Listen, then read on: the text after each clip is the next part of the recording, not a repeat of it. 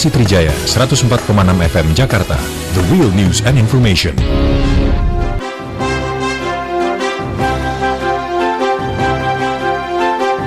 Trijaya Hot Topic Pagi.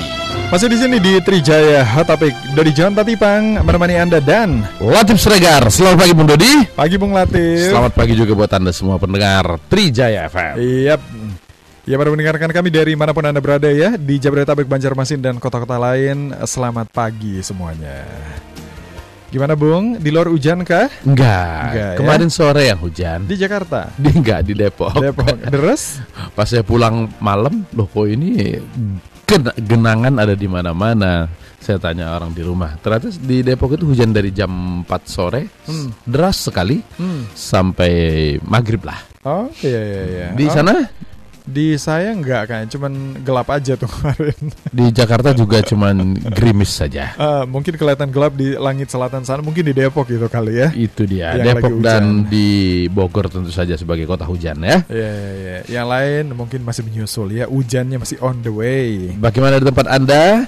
Apakah hujan sudah mulai turun dan coba dicek halamannya, Hmm. gotnya Ya, dibersihin. dibersihkan. Mungkin ini juga pas waktunya untuk bikin sumur resapan ya. Itu dia. Pas lagi di musim kering gitu kan. Jadi pas hujan datang, air-air tuh nggak Masuk mengalir semua ke dalam bumi tercinta. Nah, itu. Apalagi menarik hari ini, Bung, kita bahas?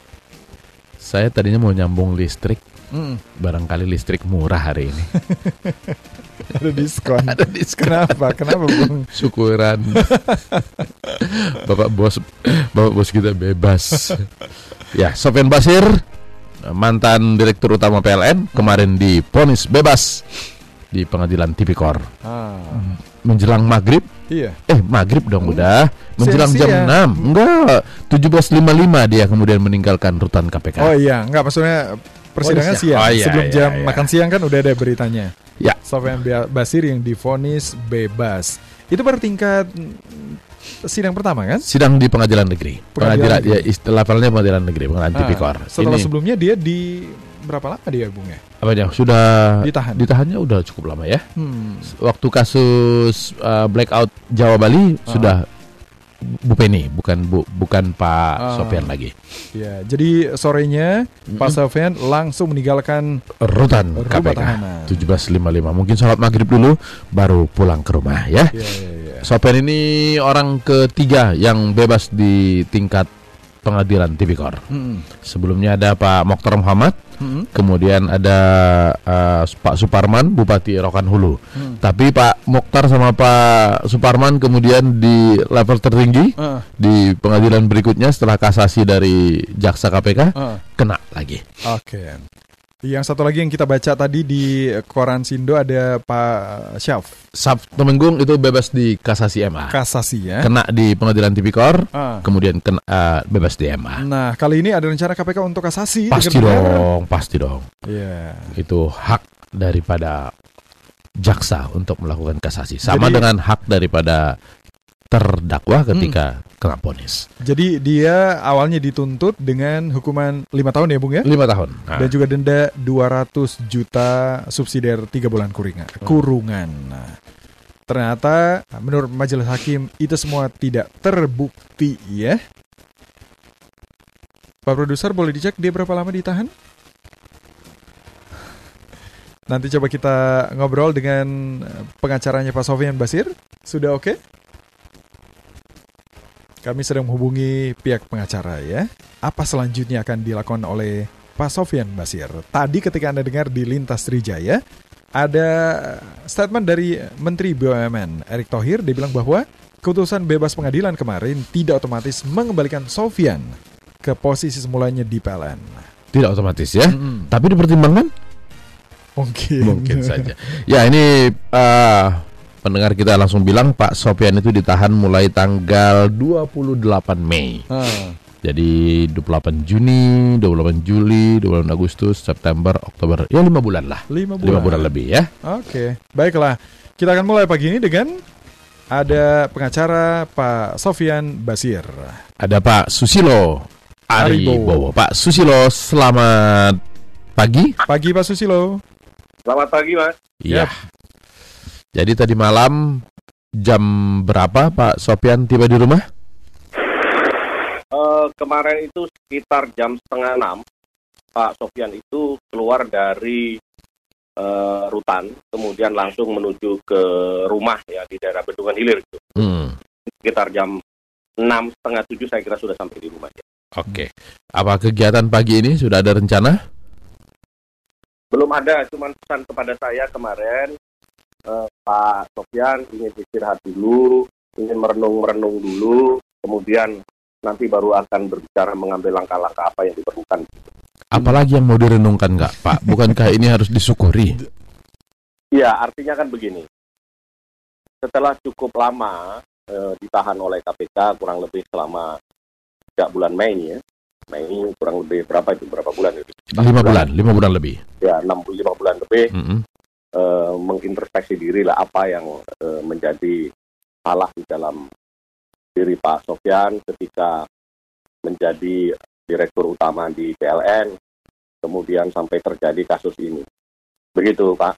Hmm, sempat diprediksi putusan kemarin?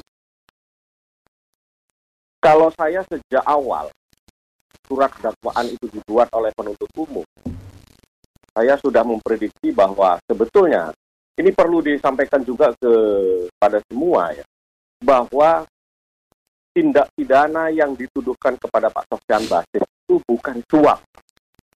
Jadi memang di dalam eh, dakwaan itu pasalnya pasal 12 huruf A. Itu pasal 12 huruf A itu suap tetapi dijuntukan dengan pasal 56 itu yang tertentu. Nah, Hmm. Pak Ian Basir itu dituduh membantu pelaku tindak pidana, siapa itu? Foto kepada Ibu Eni dilakukan oleh Pak Sofian Basir. Jadi sifatnya pembantuan yang diberikan oleh Pak Sofian Basir sehingga terjadi tindak pidana Pak Koco kepada Ibu Eni. Sebenarnya bukan suap. Suapnya sendiri itu sebagai tindak pidana pokoknya sudah terbukti dan itu sudah inkrah. Mereka berdua sekarang sudah terpidana. Tetapi muncul tuduhan baru dari KPK, Pak Sofian Basir itu dituduh sebagai pelaku pembantu. Nah, inilah yang dibuktikan kemarin oleh teman-teman kejaksa jaksa itu di dalam persidangan. Nah, Pak Sofian Basir itu dituduh memberikan kesempatan, memberikan keterangan, memberikan sarana sehingga terjadinya tindak pidana suap oleh Pak Kocok kepada Ibu Eni. Jadi itu yang yang pokok. Jadi Pak Sofian Basir bukan itu sebagai penyu, pe- penerima suap gitu.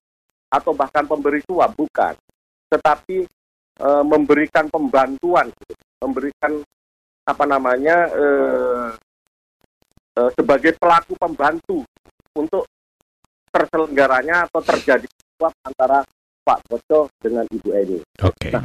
itu melalui beberapa pertemuan. Mm-mm.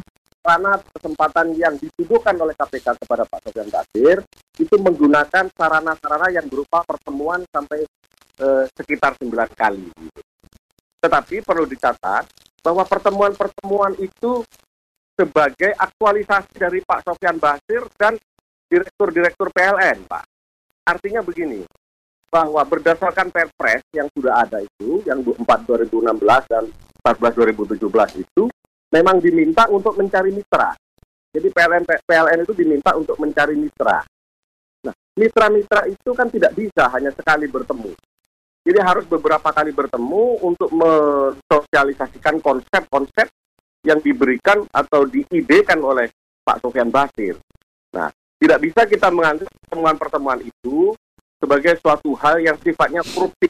Oke. Itu yang dibuktikan oleh penuntut umum Mm-mm. Memang di dalam faktanya tidak ada satu satu orang pun saksi yang mengatakan bahwa Pak Sofian Basir itu berperan sebagai pelaku pembantu. Pe- da- Ketika Pak Sopian waktu itu ditersangkakan oleh KPK, perbantuan macam apa yang dituduhkan oleh KPK kepada klien Anda? Ya itu tadi Pak Sofian Basir dituduh dengan adanya pertemuan-pertemuan itu telah mempercepat proses Oh, memuluskan pro- jatuhnya proyek kepada Pak Kepada- Koco. Pak Koco begitu. Ah. Nah, itu perlu diingat di sini Mas Ya. bahwa yang dimaksud pembantuan itu ada syarat yang paling utama, Mm-mm. syarat subjektifnya dan syarat subjektifnya. Mm-mm. kalau bicara syarat subjektif ada niat jelek, ada sikap batin yang jelek Mm. mengetahui bahwa Pak Sofian Basir itu akan melakukan pembantuan terhadap rencana terjadinya eh, suap itu tadi. Itu yang yang pertama. Yang kedua perbuatannya sendiri dari Pak Sofian Basir itu harus disadari juga gitu. bahwa Oke. perbuatan dengan membantu dengan cara apa. Mm. Ini yang ini yang eh, di persidangan itu menjadi eh, perdebatan dengan eh, apa namanya penuntut umum sehingga eh, majelis berkesimpulan bahwa sebenarnya Pak Sofian Basir ini tidak mengetahui bahwa pertemuan-pertemuan itu Ada tujuannya untuk memuluskan proyek. ya betul begitu. Hmm. Apakah eh, dalam konteks pertemuan untuk memuluskan proyek antara Ibu Eni dengan Pak Koco ini tanpa kehadiran Pak Sopian pun proyek tersebut akan bisa jatuh ke Pak Koco?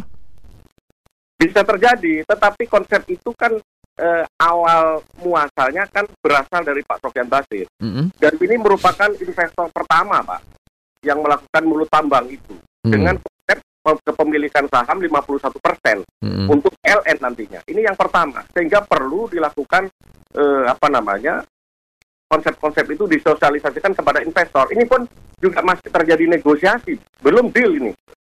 Tidak ada deal, belum ada deal. Hmm. Contoh misalkan penguasaan eh, 51 persen saham nanti ketika 15 tahun setelah beroperasi menjadi milik PLN 51 persen. Kemudian eh, tenggang waktu Pak Sofian Basir 15 tahun, investor masih mintanya 20 tahun. Nah, ini masih terjadi negosiasi terus menerus.